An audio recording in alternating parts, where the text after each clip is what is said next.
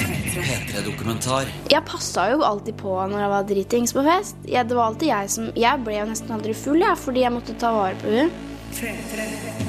Og det er ganske vanskelig å, å være den personen jeg er nå, fordi jeg likte det mye bedre den personen jeg var sammen med Sigrid. Ingvild uten Sigrid. En P3-dokumentar om å miste tvillingen sin. Jeg heter Anne Dorte Lunås.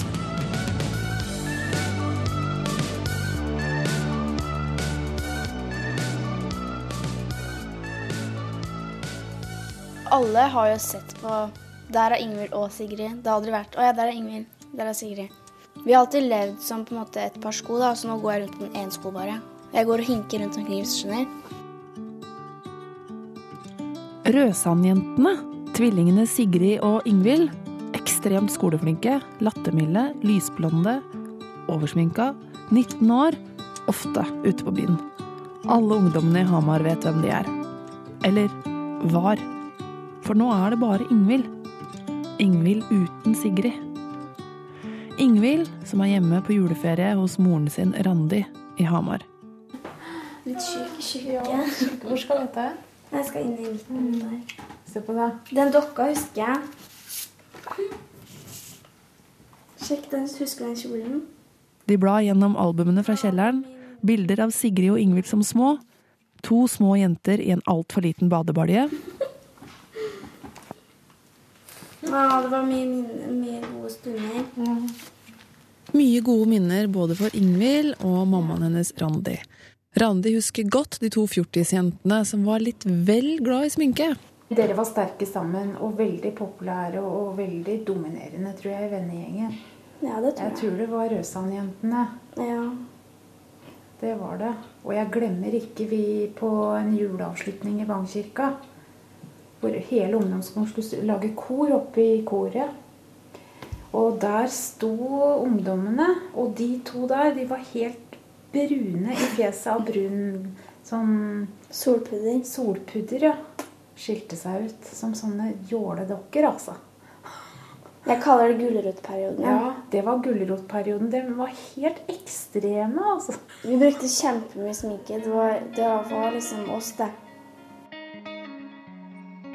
Å være tvilling er noe mer enn å være søster.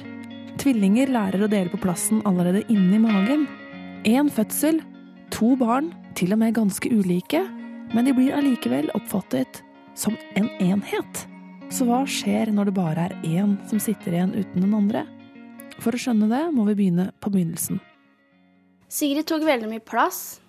Eh, hun kom først. Mamma måtte ta keisersnitt, og han legen som hadde henne Sigrid stakk ut hånda når han tok skjærte opp, ikke sant? Og han bare 'nei, nå får du vente litt', sa han. Fordi hun liksom ville ut, ikke sant?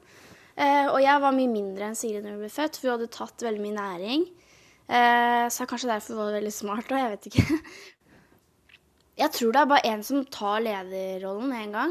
Eh, og det er ikke nødvendigvis det å bli født først, men det er bare én som blir lederen. Og det var hun. Hun styrte alt. Sånn som når vi hadde besøk da, av eh, venninner, så Jeg satt liksom bare der og hørte. Det var Sigrid og hun venninna som snakka, da. Det var Jeg bare satt der og var til stede, på en måte. Og så kom inn med innspill av og til, liksom. Men jeg var kanskje den som var mest likegyldig og kynisk og ikke brydde meg, bare fordi hun tok plassen, da. Men herregud, jeg likte det jo, da slapp jeg å si noe. Og sånn som jeg sier fra også, det var alltid hun som sa fra for meg. Så nå etter hun døde, så har jeg måttet gjennomgå en skikkelig runde med meg sjøl. For det å, si fra, det å lære seg å si fra når du er 19-20 år, det er ikke greit, altså. Og hva da, for eksempel, er det du må Nei, jeg bodde jo i et kollektiv i fjor, og det var ikke bare greit, altså. Å si fra det jeg mente og Men Sigrid hadde bare kjørt på? Hun hadde klikka og hun hadde sagt Dø, nå får dere skjerpe dere, nå får dere rydde opp dritten deres, hadde hun sagt. Hun gjorde jobben for meg da, hele livet. Tvillinger blir alltid sammenligna. Og det var ikke så gøy å bli sammenligna med Sigrid. Men hun var jo helt spesiell jente helt fra hun ble født. Ja. For når hun var fire år, så skulle jo hun bli forfatter, lege og um, Fiolinist. fiolinist. Og hun kunne jo blitt alt det. Faktisk, for hun var sånn multitalent. Det, er- det, det, det, jeg tror aldri jeg kommer til å det, det er lenge mellom når man møter sånne mennesker. For hun skrev jo de tekstene på videregående og fikk jo De sa at hun sprengte skalaen. Karakterskalaen.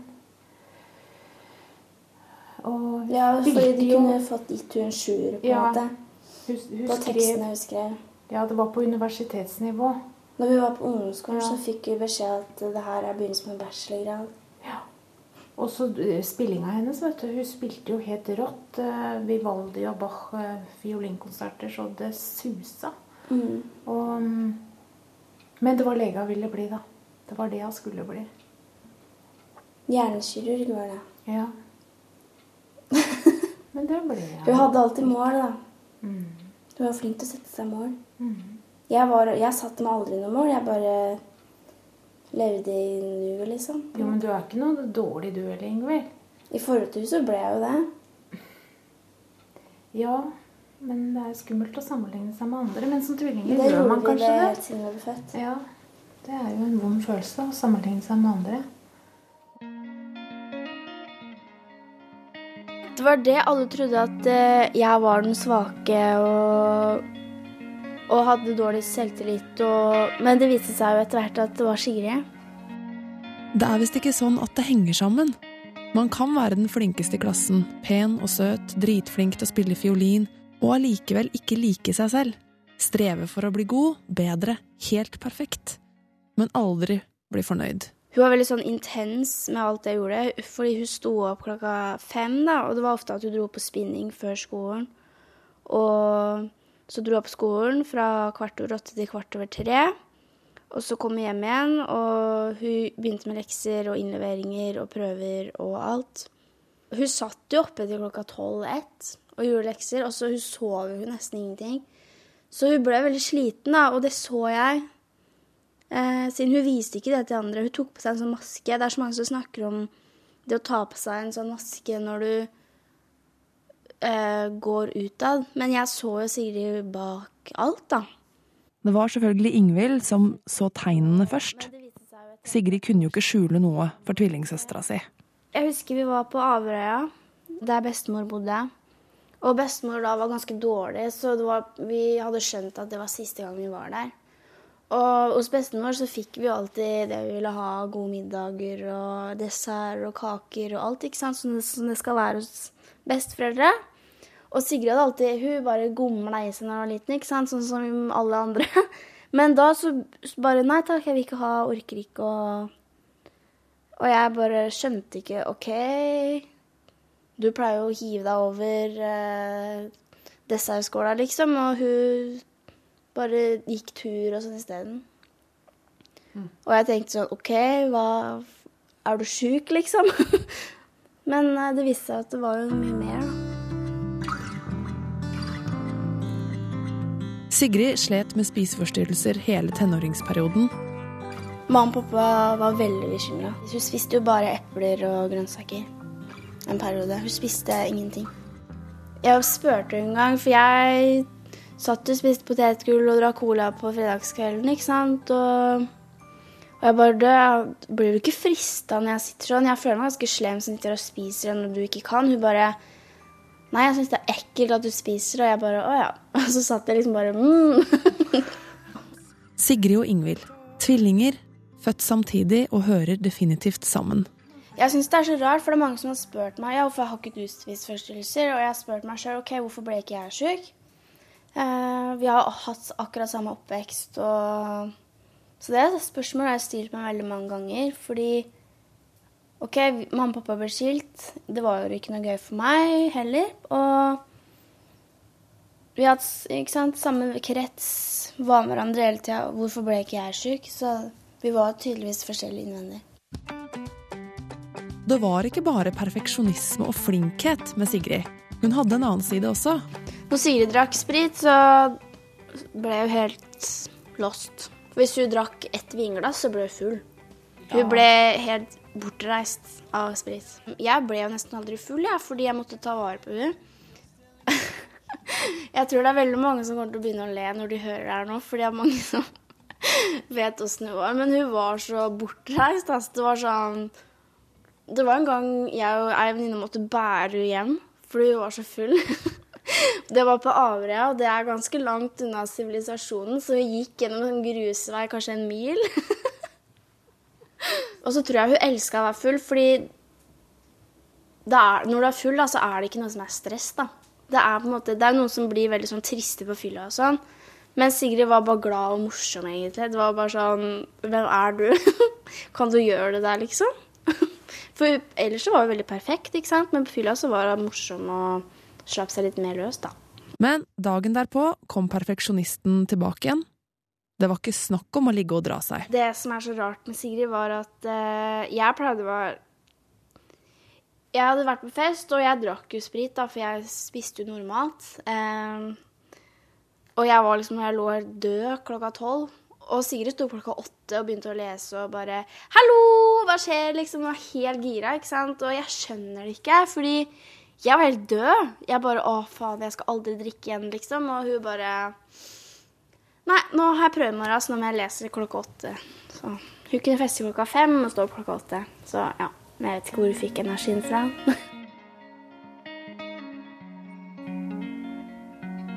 Det er noen ganger jeg bare har lyst til å bare drite i alt. Men da blir det jo ganske lang det ganske lang vei tilbake igjen, da. Jo lenger ned du graver deg ned, jo lenger opp må du klatre, liksom. Så hva er å sørge? Er det sånn at du skal ligge i sofaen og grine og se på film og spise is, eller er det det å snakke med venner og bli trist, og så glad igjen, eller er det det å bare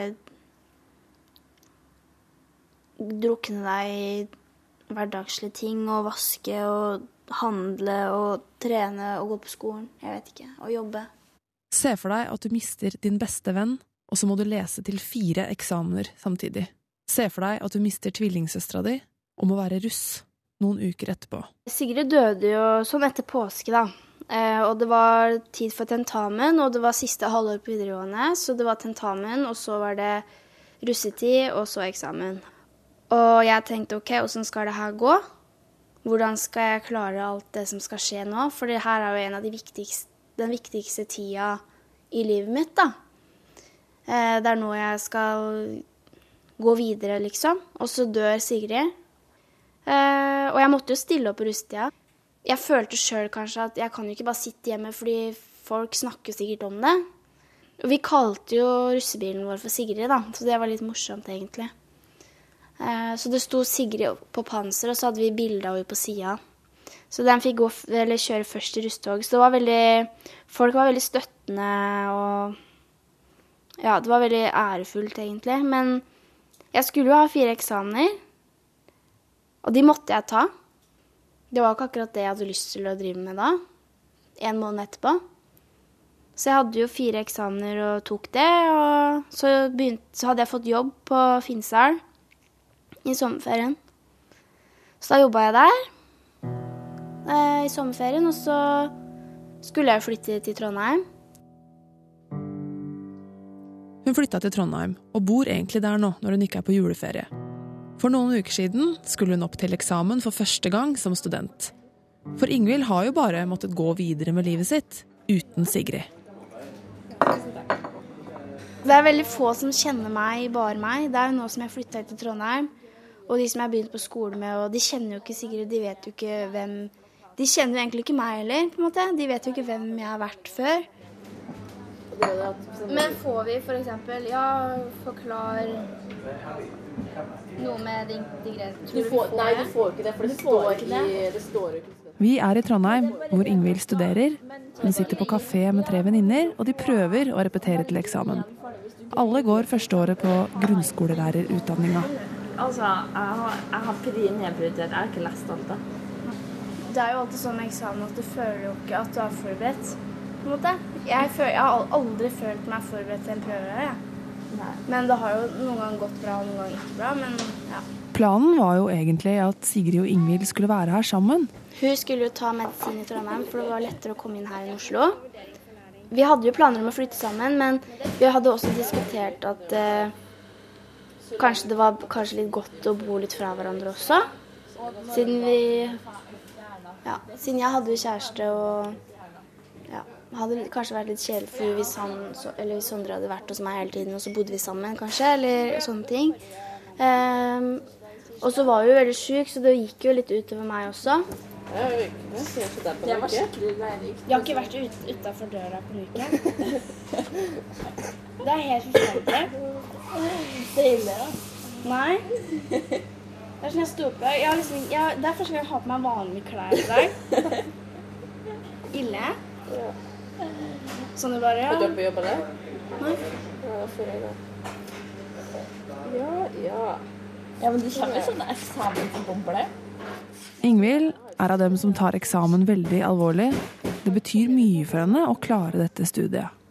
Jeg er veldig redd for at det skal gå dårlig for meg når jeg bare er en, fordi foreldrene mine har jo alltid hatt veldig høye krav. Og ja, du må ta utdanning, og det har aldri vært noe akseptabelt at jeg og Sigrid slutta på skolen. Du sa også noe om at du var redd for med en gang det her skjedde, så var du redd for å bli narkoman. Ja. Jeg har tenkt på det veldig mange ganger, fordi jeg har jo alltid vært veldig interessert i narkotikapolitikken i Norge. Og jeg har jo snakka med mange narkomane og hvorfor de har blitt den de har blitt, da. Og det er jo fordi de har opplevd noe så forferdelig i livet sitt, og at folk ikke stiller opp og får en reaksjon, da. Og vil slippe unna hverdagen. Og jeg har tenkt veldig mange ganger OK, hva skjer nå hvis jeg blir narkoman? Fordi jeg sliter så mye som jeg gjør.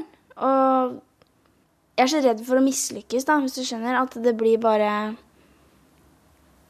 Jeg er så redd for å tråkke bortover på veien. Jeg er redd for å dette ned. Men skal jo ha kjole på eksamensfesten? Ingvild og venninnene snakker om læringsmodeller og pedagogiske virkemidler, ting de kan få på eksamen. De planlegger også vors før eksamensfesten. Ja, da får vi bare ta trikken. ned. Siden det ikke er så langt ned. Ja, det er kortere på det. Ja. Den er grei. Da blir det fest. Ja. Bare eksamen igjen nå, så er det juleferie. Men den eksamenen, den må Ingvild klare. Hun håper at hun skal klare det. At hun skal klare å konsentrere seg. Jeg hadde det forferdelig på tirsdag. Fordi da var det ei som jeg kjente som døde i en trafikkulykke på Hamar. Og så ser jeg på Facebook 'Hvil i fred' og en stjerne Eller det har kommet en ny stjerne på himmelen, og, og jeg tenker sånn OK, hva skjer nå, da? Og det var akkurat det som skjedde når Sigrid døde òg. Det var sånn, Hele Facebook ble bare proppa med masse meldinger. Og, og så sender jeg melding til ei venninne og bare OK, hva er det som har skjedd? Er det noen som er død? Og sånn. Så får jeg vite hvem det er. Og, og så tenker jeg bare Seriøst, skjer det der igjen? Fem, nå er det fem stykker da, av de som jeg kjenner fra Hamar, som er 20, fra 18 da, til 20 år, som er døde i trafikkulykke. Eller i ungdomstida, da. Og jeg får så flashback til alt som har skjedd, og det er over et år siden, og jeg bare får alt tilbake igjen. Og det legges ut bilder av ulike steder med lys og roser, og det var akkurat det som skjedde med Sigrid. Og det er bare så forferdelig. Og så tenkte jeg på foreldrene hennes, og stakkars folk. Og så bare klarer jeg ikke å lese eller noe som helst til eh, eksamen. Og så bare legger jeg meg. Og så våkner jeg på tirsdag. Og så, da begynte jeg på skolen klokka tolv. Og så tenkte jeg OK, jeg må på skolen, altså. Men så bare begynner jeg å grine i senga. Jeg vet ikke hvorfor. i det hele tatt. Eller jeg vet jo hvorfor, men jeg har aldri gjort det før. At jeg bare knekt helt sammen. Og jeg følte bare at hele livet mitt bare raser.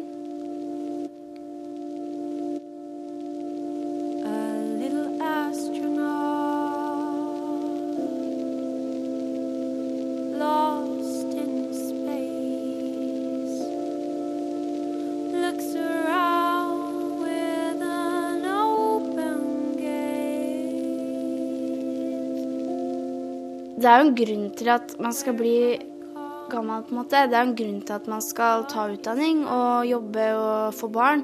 Når man, er, når man dør som ungdom, så er det på en måte ikke noe er, Du tenker OK, hva er pointet, liksom? Når bestemor døde, så var det jo veldig vanskelig, men hun har jo i hvert fall hatt et liv, da, og levd.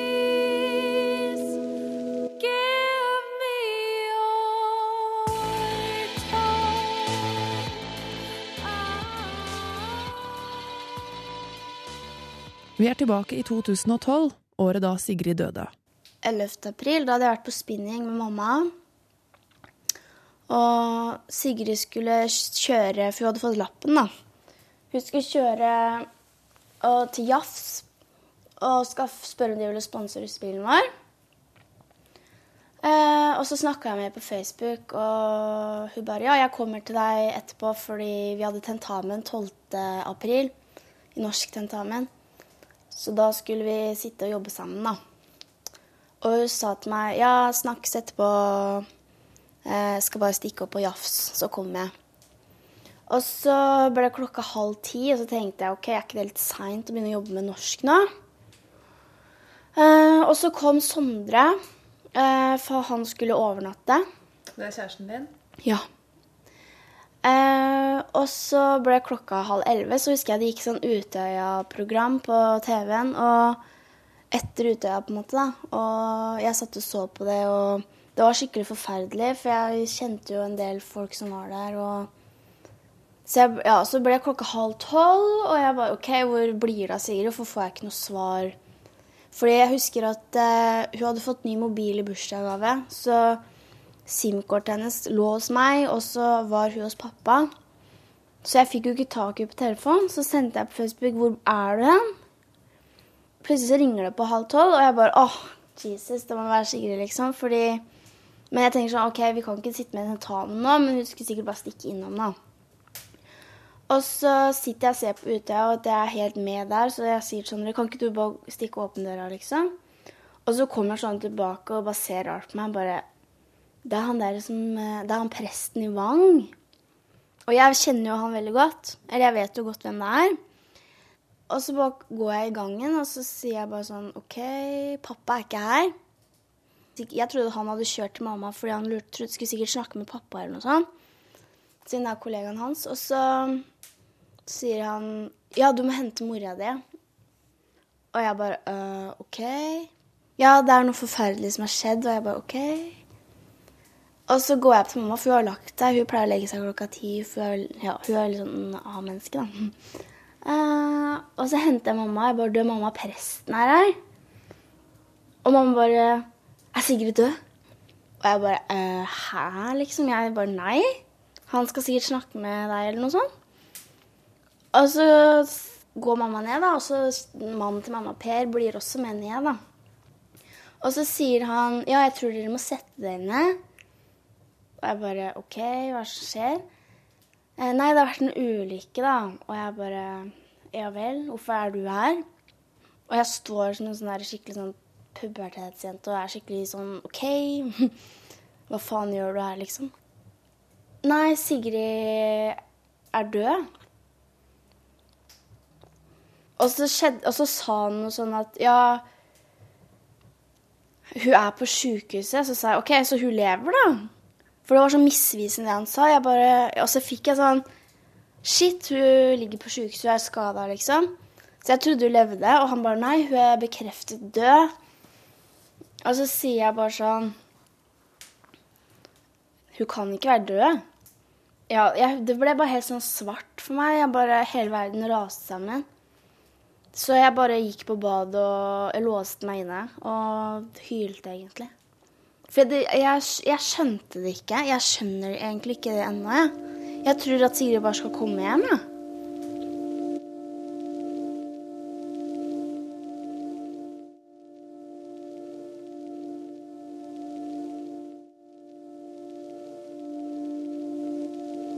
Mamma måtte ringe pappa og eller jeg husker ikke helt om presten hadde snakka med pappa, eller om Men han kom i hvert fall ned, da, og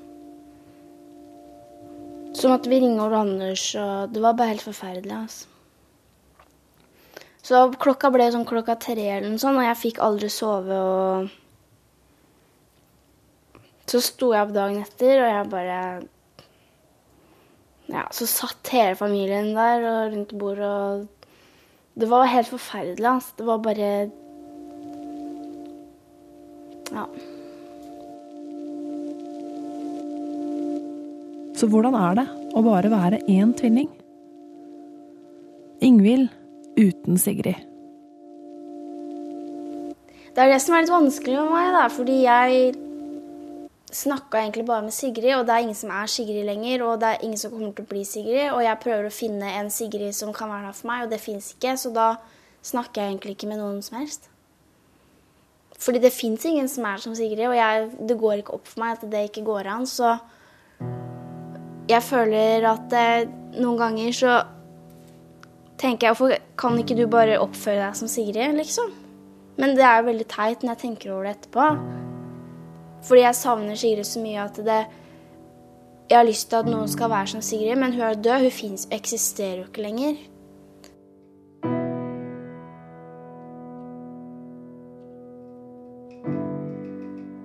Jeg kunne velge sjøl om jeg ville se henne. Hvordan var det? Hun hadde jo veldig mange sånne skader, da. For bilen var helt Og det, det som jeg reagerte mest på, var at HA faktisk hadde posta det bildet i avisen mens hun satt inni bilen. At bilen var helt smadra, da. Så det sier seg sjøl åssen hun så ut. Men uh, det var bare Hun hadde på sånn, sånn hvitt Jeg husker egentlig Det var bare sånn hvit gens skjorte eller noe. Så vi hadde fått alle eiendelene hun hadde i bilen, da. Lommeboka hennes og så hadde jeg tatt av øredobbene hennes og sånn. Det var skikkelig ekkelt, fordi det var alltid de Sigrid gikk med. Og ringen, den her ringen, som jeg går med hver dag.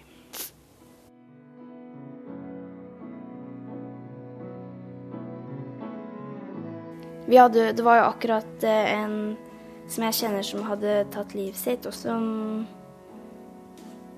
Ja. Og vi trodde sånn OK, har hun tatt livet sitt? Og så begynte vi å spekulere veldig, da, siden hun var jo hadde jo spiseforstyrrelser og Så det ble egentlig veldig mye sånn snakk om det. Men vi hadde jo Det var jo ingenting igjen. Det var jo ikke noe beskjed eller noe Det var ingenting til meg, f.eks. Det var ikke et brev eller noe tegn på noe som helst. Og hun skulle jo komme til meg etterpå. Så snakka vi jo med politiet, og hun hadde belte på seg. og hun var ikke påvirka av noe slags alkohol eller noe sånne ting. Og, og jeg tviler på at de som skal ta livet sitt sånn, da ha, Hun hadde jo på seg belte. Og så snakka vi om et trailersjåføren, og han sa også at det virka som det var en ulykke. At hun ikke hadde kontroll over bilen. Hun hadde hatt lappen en måned, da, så Hun var ikke akkurat dreven sjåfør, på en måte. Så vi vi går ut fra at det er en ulykke.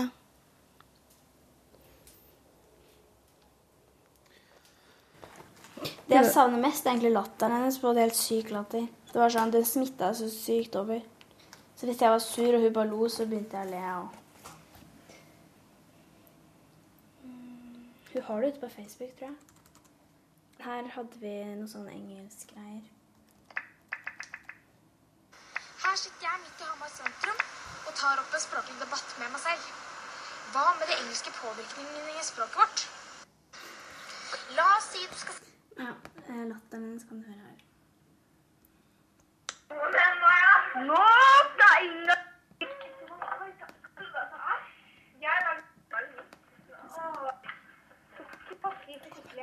Hva er det her slags eh, Hva holder du på med her, da? Eh, her hadde vi klespoker. Og så var det sånn at det er en venninne av meg som tapte. Og hun fikk velge om å løpe naken eller bare undertøy gjennom gata og ringe på til en vi kjente og si hei, eller spise noe vi laget av alt som var i kjøleskapet til venninna vår. Og det var liksom alt fra rekesalat, oljer, smør, rekelake Det var liksom alt sånn dritt. Og hun måtte Og hun måtte spise det, og det var kjempemorsomt. Det sånn, da var vi 13 år eller noe sånt. Så kan vi høre at Sigrid Hun ler Eller skal vi se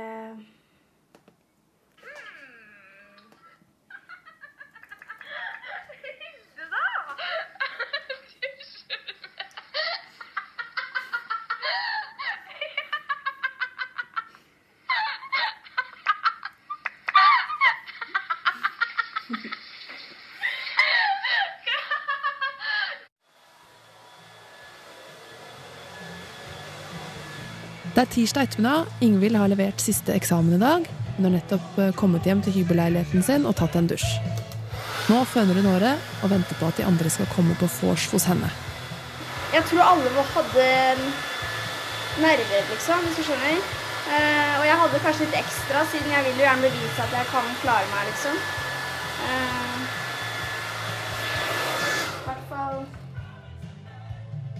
Det å klare seg og komme seg videre og på en måte Nå har jeg levert to eksamener, og da har jeg på en måte kommet til next level, på en måte. Det føler jeg faktisk. Fordi jeg føler jeg har liksom vokst litt òg i eksamensperioden. fordi Før så var jeg liksom så usikker på meg sjøl og på en måte det med praksis og sånn, mens nå har jeg lest så mye og stått på egne bein. på en måte, Nå har bevist at den har i hvert fall levert. Nå skal jeg i hvert fall skifte og rette håret hvis jeg rekker, da. Det bitreste er jo at hun ikke får lov til å ha en person som elsker hun for den hun er. Eh, det at hun ikke får noen i livet sitt da, å gifte seg med og få unger med. For jeg tror det hadde kanskje gjort Sigrid frisk, da. Ja, det er så fælt å tenke på at hun ikke får den opplevelsen, da. Og det at jeg skulle passe på unga hennes, og hun skulle passe på unga mine. Og, og så skulle vi liksom sitte oppe om kveldene mens barna hadde lagt seg og drikke vin og bare snakke liksom om oppveksten og alt. Fordi jeg får ikke snakka om noen oppveksten min lenger, fordi det er ingen som skjønner det, på en måte. da, Fordi vi var jo alltid sammen. Vi gjorde alt i oppveksten sammen.